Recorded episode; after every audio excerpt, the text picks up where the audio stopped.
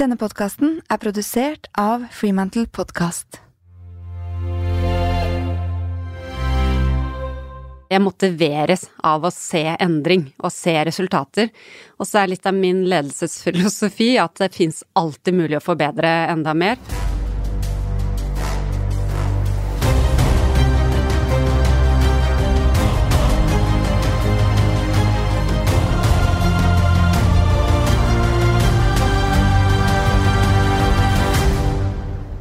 Jeg er mentaltrener Cecilie Ystenes Myhre, og i podkasten Grit skal jeg gi deg noe av hemmeligheten bak suksessen til ulike fremadstormende mennesker.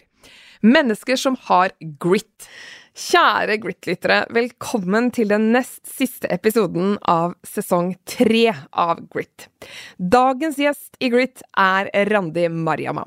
Randi har jobbet hos Nordea i snart 15 år, og har i løpet av denne perioden hatt større roller innenfor både HR og personmarkedet. Og i dag har hun stillingen Head of Personal Banking Norway. Du har derfor mest sannsynlig sett henne mye i media, der hun deler Nordea sine råd til hvordan vi som privatpersoner bør forvalte økonomien vår i hverdagen, og kanskje spesielt nå i disse dager med økte strømpriser og aksjefall. I dagens samtale kan du lære mer om hvorfor Randi først og fremst setter gjennomføringsmuskelen høyt, om forventningspress, og hvordan hun eier sin egen kalender, som stort sett er trippelboka.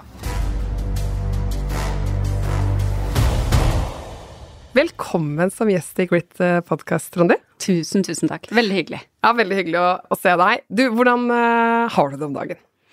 Jeg har det bra. Ja. ja det er uh, lysere tider. Vi er ferdig med pandemien. Vi har hatt vår første fest. Ja, for du sa det litt før vi gikk på i dag, at du, du var på en kjempefest i går. Du må fortelle. Ja, vet du hva. Det er bare blide mennesker fra ende til annen. Man er så glad for å møtes igjen. Men er du sånn som leder at du liker å være der det skjer og tett på folka dine? Og jeg syns Jeg hadde jo en plan i går når vi hadde fest om å gå hjem litt tidlig, men så møter du så mange kjente, og skravla går, så ja, jeg trives i det. Ja. Og jeg har forklart eh, litt hvem Randi er, men du må jo også litt med dine egne ord presentere deg for Grit-lytterne. Eh, hvem er du, Randi? Jeg er en uh, lillesøster av tre eldre brødre. og så har jeg uh, nå vært sammen med min mann Ari siden jeg var 18 år. Og så har jeg to barn, Mikkel og Maja, som er snart 18 og 15. Det er meg sånn privat. og så er jeg da leder av privatmarkedet i Norge, i Nordea. Og har også en landsjefrolle, da, som betyr at jeg koordinerer forretningen litt på tvers i Norge. Ja. Og håper jeg, ledelse. Alltid vært interessert i, eller har veien blitt til som den har gått? Litt til som det har gått. Og så er det nok litt i min natur. Jeg elsker å få til en sånn mestringsfølelse selv, men jeg elsker også å se det hos andre. Så jeg tror det har kommet bare litt av den, av den grunn. Ja. Og hvor lenge har du nå vært øverste leder for privatmarkedet? Er det to-tre år? Det går fort. Ja, og jeg, gikk, jeg var i privatmarkedet for en stund siden, og så var jeg fire år eh, daglig leder av eh, livselskapet vårt. Jeg kom tilbake til privatmarkedet i pandemien, faktisk. Ja. I 2020. Mm. Ja. Jeg husker veldig godt når, når, det ble offentliggjort, at da ble det måte sagt nå kommer Randi og sjef, og hun gir seg ikke. Altså, hun har gjennomføringskraft. Ja. Og jeg har jo sett deg i litt ulike settinger, og syns du har en veldig sånn naturlig god autoritet. Det er ingen tvil om hvem som er lederen. Er det noe du kjenner deg igjen i selv, og, og kjenner på? Jeg vet ikke, jeg føler meg som en av alle. Men det tror jeg er litt den norske kulturen nå. Vi er ikke så hierarkiske av oss. Men eh, det er som du sier, andre som gir meg feedback, eh, ser at eh, jeg har en naturlig autoritet. Og så tror jeg det hjelper meg, fordi vi er jo en nordisk organisasjon i de andre landene så er hierarkiet viktig, og, jeg har lært meg litt å bruke hierarkiet også, på en fornuftig måte. Mm. Så ja. Men dette med gjennomføringskraft, og ryktene går litt foran deg på det. Hva tenker du rundt det selv? Altså rett og slett det faktor å, å ha en god gjennomføringskraft, for det er jo mm. det grit handler veldig mye om ja. over tid. Jeg er veldig drevet av det. Jeg motiveres av å se endring og se resultater. Og så er litt av min ledelsesfilosofi at det fins alltid mulig å forbedre enda mer. Eh, jeg blir demotivert av planer som ikke skjer. Og det Eller som ikke pinpointer hva som kan bli bedre også, kanskje? I, Ja, det òg, men, Mm. eh, men jeg blir ekstremt utålmodig hvis vi snakker for mye. Og Ja. ikke prøver og ikke gjør. Ja. Og du nevner jo litt sånn nå din lederfilosofi. Kan du si litt mer om hvilke verdier du drives av i hverdagen, og som på mange måter setter rammene for hvordan du oppfører deg, da? Ja, ehm, det skal være gøy. Vi har ett liv, og det må være gøy. På både hjemmebane og bortebane eller jobb. Og så tror jeg ehm, vi kan få til mer som team. Og det er jo litt sånn Du kan påvirke mer, du kan få til mer som et team. Det har jeg genuint eh, tro på. Og så er det det å være trygg, det skaper mot. Så det å være bevisst på, på tryggheten, enten hos deg selv, men også de du leder. For har man en trygghet, så får man mot. Og mot trenger du hvis du skal få til nye høyder. Syns du det er vanskelig noen ganger å følge dine egne verdier og holde deg selv sånn accountable for dem? Eller er det veldig sånn, sitter de i ryggmargen, og det er de du på en måte navigerer etter hele tiden?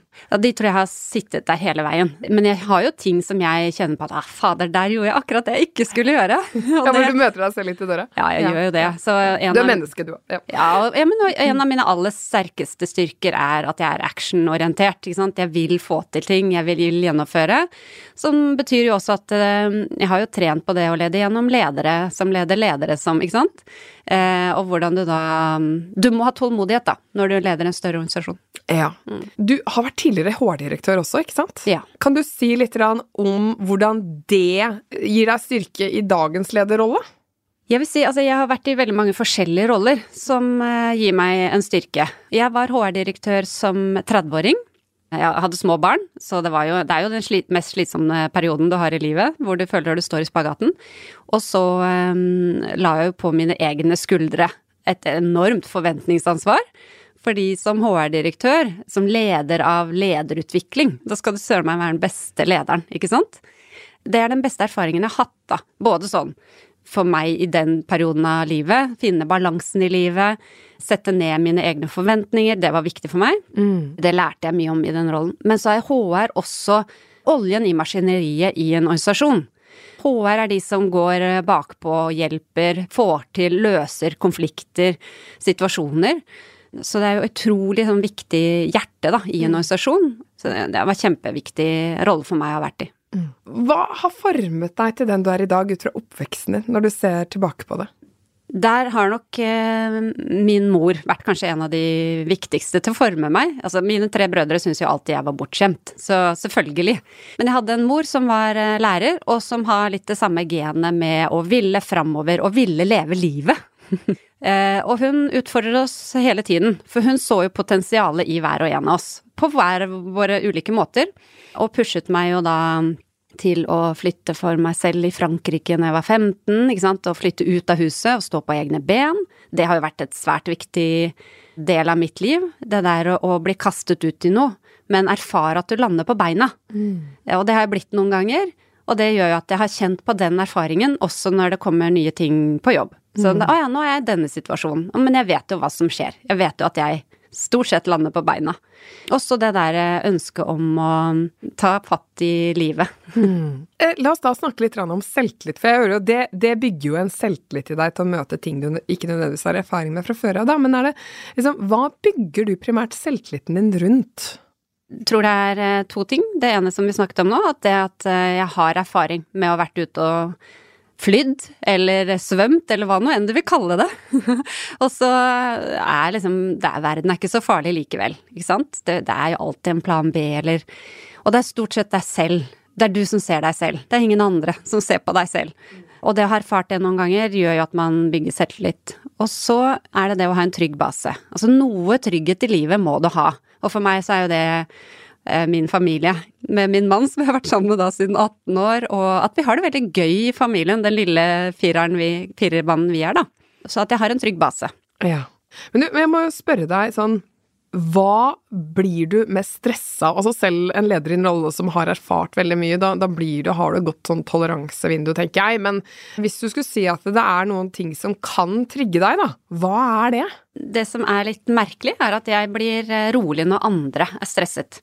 Så det er jo faktisk en god egenskap, har jeg funnet ut å ha i min rolle. Så når det er kriser, eh, når vi hadde finanskrisen for eksempel, eller andre kriser, pandemi, da går jeg i et sånt rolig tempo. Mm. Så blir jeg jo mer aktiv når jeg ser andre tar det med ro. Og ikke sant, igjen tilbake til gjennomføringsgenet mitt, da. At hvis ikke ting endrer seg sånn som det skal, da, da pusher jeg på. Ja. Men det som kanskje trigger meg, det er jo type mer sånn folk som har bastante meninger, for eksempel. For jeg vet at det fins alltid flere sider av en sak. Eller folk som går rett på én løsning. For jeg vet at det fins alltid noen alternativer.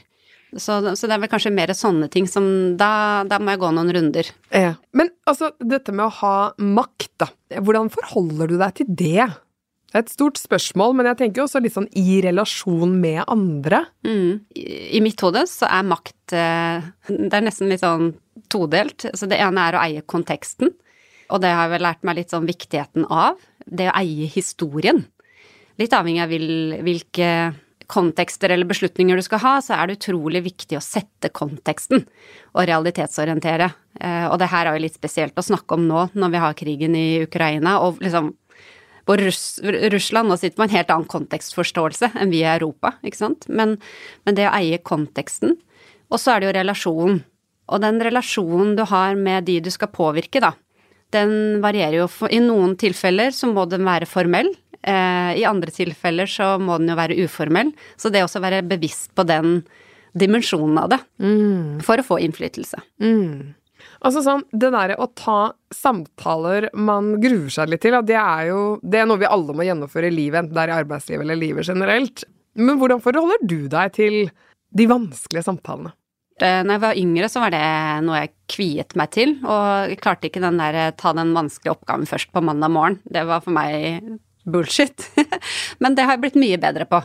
Eh, og så har jeg fått noen positive erfaringer med det. Og i Norge, vi er et lite land, så du må ha samtaler som gjør at du kan møte vedkommende igjen i eh, neste butikk eller neste korsvei. Så for meg så er nok prosessen den aller viktigste, og jeg er ganske prosessorientert. Mm. Så hvis jeg kan stå inne for at prosessen har vært ålreit, så klarer jeg mye lettere også å ta en tøff samtale. Ja, så liksom når du går inn med den holdningen, så kjenner du at det er fint å la det gjennomføre, da. Ja. Ja. Men sånn i bunn og grunn, hva er det som driver deg til å jobbe mye, og jobbe hardt for, å, for at Nordea skal nå de målene som, som dere setter? Jeg har en ganske stor arbeidskapasitet. Relativt dyktig på å gå i detaljer og gå opp i tårnet. Og jeg tror jeg har en ganske stor kapasitet på komplekse ting. Så det som driver meg, er jo Det er en veldig meningsfull jobb jeg har. Som jeg snakket om eh, at HR var oljen i maskineriet i en organisasjon, så er jo privatøkonomien til folk det er eh, det som gjør om du har det bra i livet eller ikke. Det er utrolig viktig i situasjoner hvor du skal skille deg, eller du skal gå sammen med noen, eller du skal opp, eh, få opp en drøm med en bolig. Så det er liksom så utrolig meningsfullt for alle ja, det er jo noe vi alle har et forhold til. Alle har et forhold til det.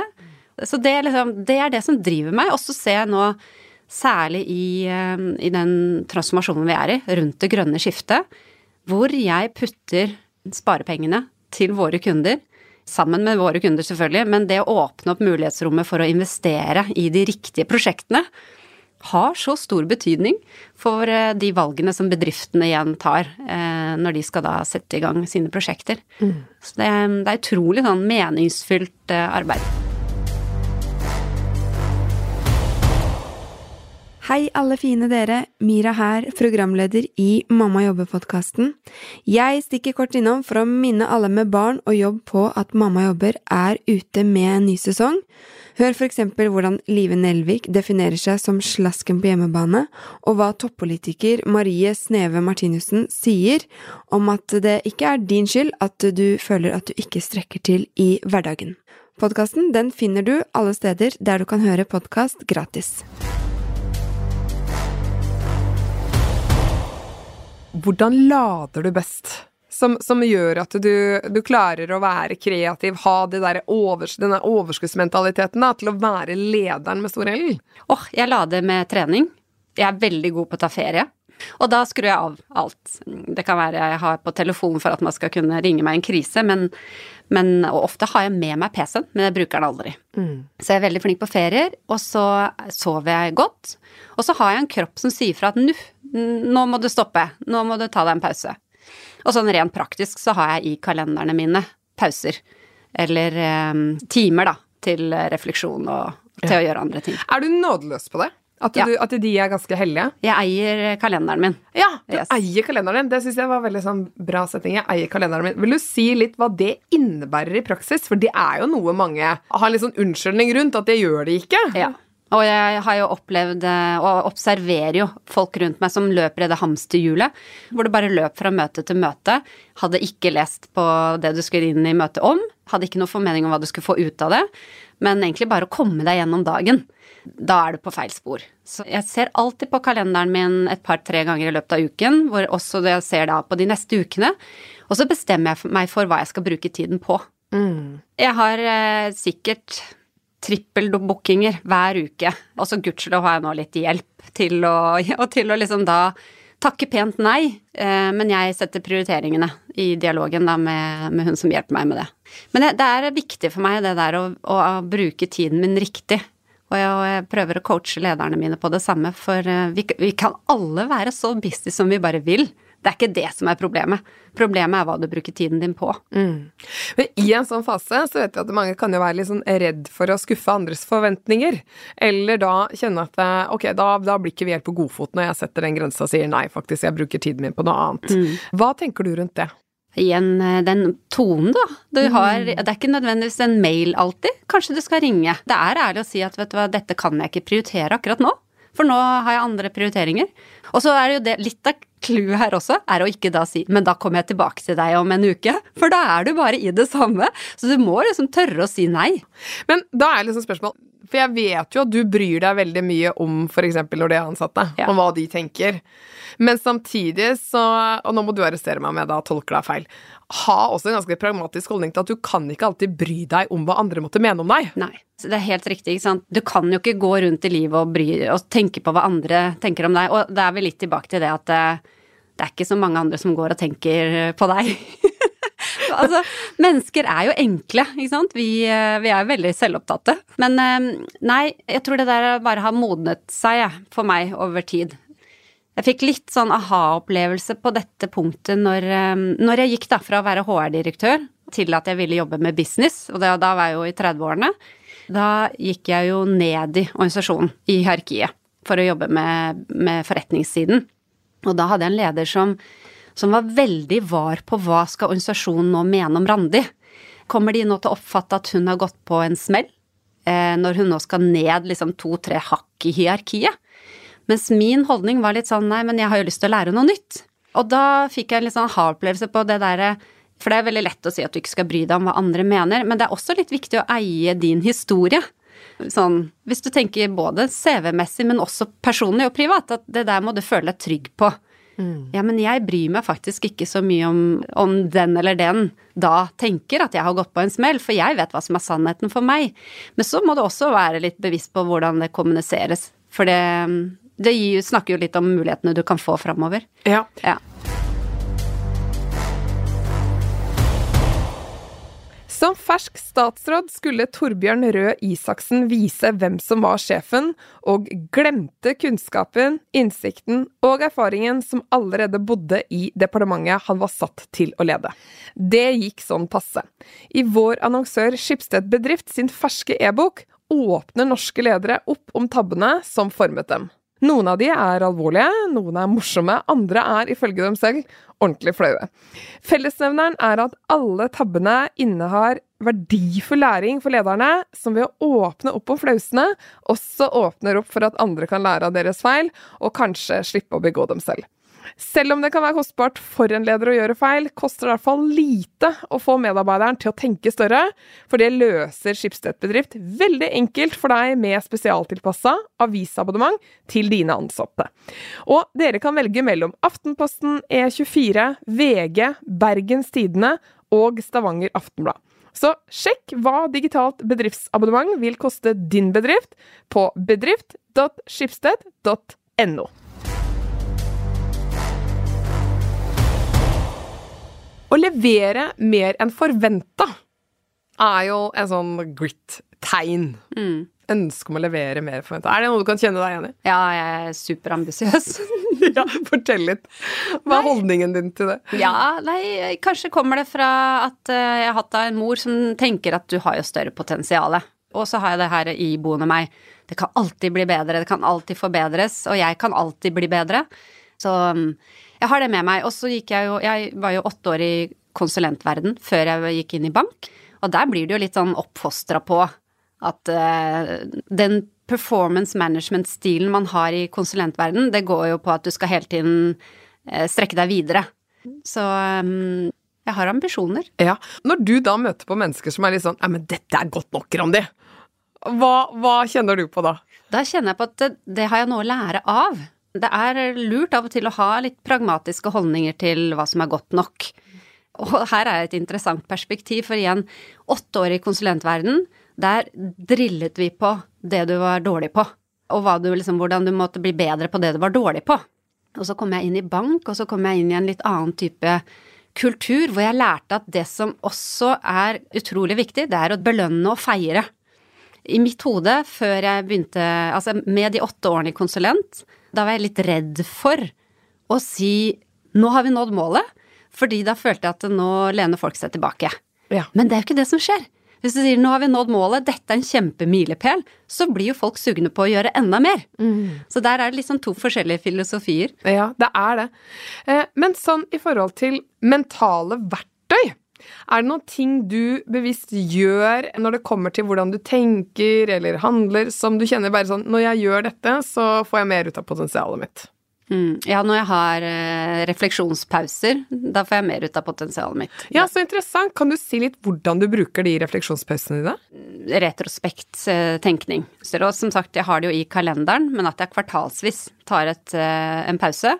Mitt overordnede mål eh, akkurat nå i 2022 er jo å bygge en mer lærende organisasjon. Og det er jo ikke noe du gjør på en dag eller et kvartal, men du må bygge sten på sten. Og da tar jeg en refleksjon på hvor er jeg nå på den reisen? Og så kommer du deg litt inn på kurs igjen i forhold til å nå det mer langsiktige målet. Og så er jeg god Altså, jeg bruker visualisering ganske ofte. Ja. Særlig hvis jeg skal på en scene, eller jeg skal eh, få igjennom en ting. Hva opplever du at det gir deg? Nei, da går jeg gjennom hvem som sitter der, hva de kommer til å si, alle motargumentene. Det forbereder meg på den settingen. Det roer meg også litt ned på liksom hvordan kommer stemningen til å være.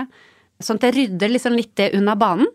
Kan være der og da, når det skal skje. Og da hvis vi tenker liksom sånn at man skal ha en liten sånn best forberedt-mentalitet, da, som gjør at du kan gi liksom gass når det gjelder, er det andre typer rutiner eller ingredienser i hva du tenker er en god forberedelse for deg? Eh, Jeg er nok strukturert, og det hjelper meg veldig godt. Så- Alltid vært, eller noe du har lært deg? Nei, det har jeg nok alltid vært. Det ligger litt i naturen. Og litt tilbake til det der at jeg eier min kalender. Jeg vet liksom hva som er de viktigste prioriteringene de neste ukene, de viktigste møtene, og jeg vet hva jeg trenger å gjøre for å komme i den settingen. Og med det så er jeg ganske god på å sette sammen hvem er det jeg nå trenger å snakke med, eller hvem er det jeg må få til å jobbe sammen. Ja. Har du noen gang kjent på forventningspress i den rollen du er i nå? Jeg har kjent på det i de forskjellige rollene jeg har vært i, på ulike måter. Som HR-direktør så kjente jeg på forventningspress om å være den beste lederen. For det var jo det fagfeltet jeg skulle, skulle være. Og så tok jeg over Livselskapet, og da, jeg, da tok jeg over etter en leder som hadde vært der i, i 18-20 år. Han hadde bygd opp selskapet fra en gründerbedrift, og var jo far i det huset. Og så høyt elsket. Hvordan fyller du sånne sko, ikke sant? Og så finner du ut at du må gjøre det på din måte. Så man legger jo forventninger på seg selv, og i denne rollen så har det vært viktig å bygge relasjonene mot eh, mine overordnede. For å, å skaffe oss handlingsrom, rett og slett.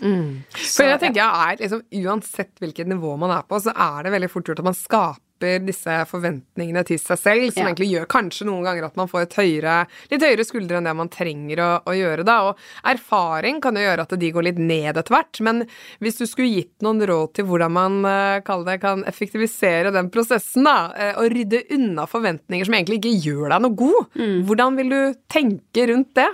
Ja, men jeg tror det å ha forventninger til seg selv er bra, jeg. Ja. Så jeg er kanskje også litt der at det er greit å ha litt høye skuldre når du går inn i en ny ja. rolle, og du må ha en forventning om at det tar et år før du etablerer deg. Det skal du ha med deg inn i dine prioriteringer. At dette bruker du nå en investering på. Og så er det selvfølgelig mer sånn metodisk, da. At du er tydelig på forventningsstyring og avklaring av forventninger mot både de som rapporterer til deg og de rundt deg. Men du, jeg vil si altså, jeg opplever deg veldig sånn logisk og klar. Men er det noen ganger at du jeg håper å si, også kan kjenne på litt sterke emosjoner og følelser, og for at de ikke kanskje skal påvirke veldig mye beslutningstagingen, så, så har du kalt liksom noen, om det ikke er regler eller rutiner for deg selv? Kan du, kan du si litt om dette med følelser versus logikk? Ja, det, absolutt. Det er, jeg er en blanding av hode og mage. Uh, hunch og tenkning. Og i og med at jeg vet at jeg er så actionorientert, jeg vet at jeg kan hoppe altfor fort, så har jeg blitt uh, flinkere til å si 'dette så vi på en natt'. Verden løper ikke fra oss. Så det å bruke tid. Og av og til, det er litt kult, av og til så er management by staying away den beste løsningen, for da løser problemet seg selv. Og det har jeg hatt noen erfaringer med som har bare vært så utrolig gull. Ja, fravær. Fravær. Ja. Faktisk ledelse med fravær. Ja. ja. Men det å ta seg tid.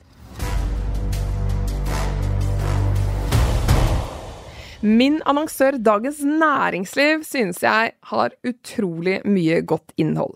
Og hver helg så gleder jeg meg litt ekstra eh, for å lese nyheter om alt fra økonomi til lederskap, arkitektur og gode vinanbefalinger. Min favorittspalte er derimot Innovatørene i D2, der Anna Skavlan stiller spennende mennesker spørsmål om alt fra hva som driver de, til hvordan de lader batteriene best. Sjekk den ut, du også. Og vil dere fylle helgene fremover med godt innhold innenfor økonomi, ledelser, trender og livsstil, så anbefaler jeg dn.no eller et abonnement på papiravisen. Selv har jeg det både fredag og lørdag, og er kjempefornøyd. Man kommer seg ikke utenom å gjøre feil eh, i livet. Kan du gi noen eksempler, Randi, på noen feil du husker, og som du, du lærte mye av? Det her med å feire og ta for lett på det. Ja. Og det er ikke noe som ligger naturlig for meg, for jeg vil bare videre. Og som sagt, jeg har en sånn liten uro om at uh, hvis vi feirer, så slapper folk av, mens jeg bare vil at de skal dure på. Mm. Og så er det så Det er så feil, da. Hvis du ikke feirer, så får jo ikke folk heller en bekreftelse på hva de har gjort riktig. Så der har jeg gjort noen feil hvor jeg liksom går på med neste ting, og så mister du da den byggestenen du har allerede bygget. For du har ikke bekreftet at dette var den riktige byggestenen. Så ja, det er fortsatt eh, det jeg jobber med meg selv på, er Det er så utrolig viktig å feire. Hva er gode måter å feire på? Ja. Som, som, setter seg litt i folk. Det er kjempeviktig. Ja. ja. Og det er jo også det Du har ikke nødvendig svar på det, ikke sant? Det er Folk er så forskjellige. Fort så ender vi på liksom en kake eller en fest, men det er, ikke, det er ikke alltid det som trengs. Det er bare en telefon fra deg, eller fra noen som ser deg. Det er så utrolig effektfullt, da. Mm. Så det å være bevisst på at folk motiveres av forskjellige ting. Ja, Så det du vil si er at det å egentlig bare definere hva feiring er i litt ulike settinger med ulike folk, kan være nyttig tips, da? Ja. ja. ja for jeg, jeg, opplever fort så blir feiring et sånt spørsmål. Skal vi ha en fest? Hva er budsjettet? ja, og, godt spørsmål. Og da blir min reaksjon ja, men jeg har jo ikke noe budsjett. Men så kan konklusjonen bare være det at jeg har du hatt en kaffe og prat med vedkommende og gitt vedkommende en god feedback? Ja. Eller high five og bare klapp på skuldra ja. og bare få forankret det. Og så har det vært vel så viktig. Ja. Du sier jo at du er ambisiøs, og da må jeg jo sånn spørre deg, har du noen langsiktige mål og drømmer i din personlige arbeidskarriere? Eh, jeg bare syns jeg er utrolig heldig som får lov til å lede folk. Jeg vet jeg påvirker mange folks liv, og det er jeg ganske ydmyk for. For det så én ting er at du får lov til å jobbe et sted hvor du føler at du har liksom stor betydning for mange på privatøkonomien. Eh, og igjen tilbake til liksom bærekraft og den transformasjonen, men også få lov til å være med å påvirke folk så de kan utvikle seg og mestre nye ting. Mm. Jeg elsker å mestre selv. Jeg syns det er så utrolig adrenalinrush når du får til noe. Og det å da være med å kunne gjøre det for andre, og sørge for at de får til den følelsen, det, det er liksom det jeg har lyst til å lett etterlate meg, da. Ja. Fortsette på den reisen. Ja. ja. Men hva vil du råde andre til, eh, som ønsker å nå sine langsiktige mål og drømmer? Hva er viktig? Erfaringsmessig nærme deg det som er vanskelig. Gå i detaljene når det er et problem. Og så er det det der å ta vare på helsa si, å ha balansen i livet. Hvis du liksom er inne på tanken at men jeg ofrer så mye for denne jobben, jeg står jo sånn på, da er det egentlig bare du selv som kan gjøre noe med det, og rette opp i det. Og da må jeg bare grave litt i det, for det er kjempespennende. Eh, gå i detaljene. Hva finner vi der, Randi? Du får jo mer av fasiten. Du, du, danner deg bedre innsikt, men du viser også for de rundt deg hva du ønsker de skal gjøre.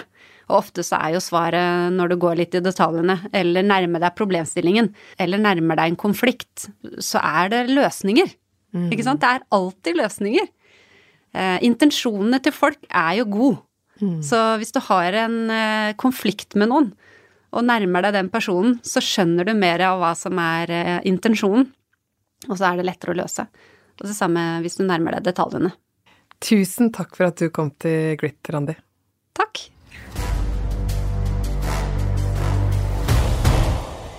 Det var samtalen med Randi Mariama. For en spennende dame. Jeg håper du som er meg sitter igjen med masse inspirasjon, og ikke minst håper jeg du tuner inn neste torsdag, da jeg skal oppsummere de viktigste læringspunktene og trekke frem konkrete tips og verktøy til hvordan du kan utvikle din grit. For har du f.eks. lyst til å bli enda råere på tidsstyring, ja, da må du lytte, for jeg får besøk av en time management-ekspert. Vi høres neste torsdag. Takk for at du lytter. Ha en strålende uke. Har du lyst til å lære mer om mentaltrening og grit? Da kan du lese mer i boken min Mental styrketrening, eller boken Stå støtt som kom ut i 2021. Du kan også gå inn på rawperformance.no og lese mer om hva vi tilbyr av tjenester der. Alt fra én-til-én-samtaler, kurs, foredrag og utdanning.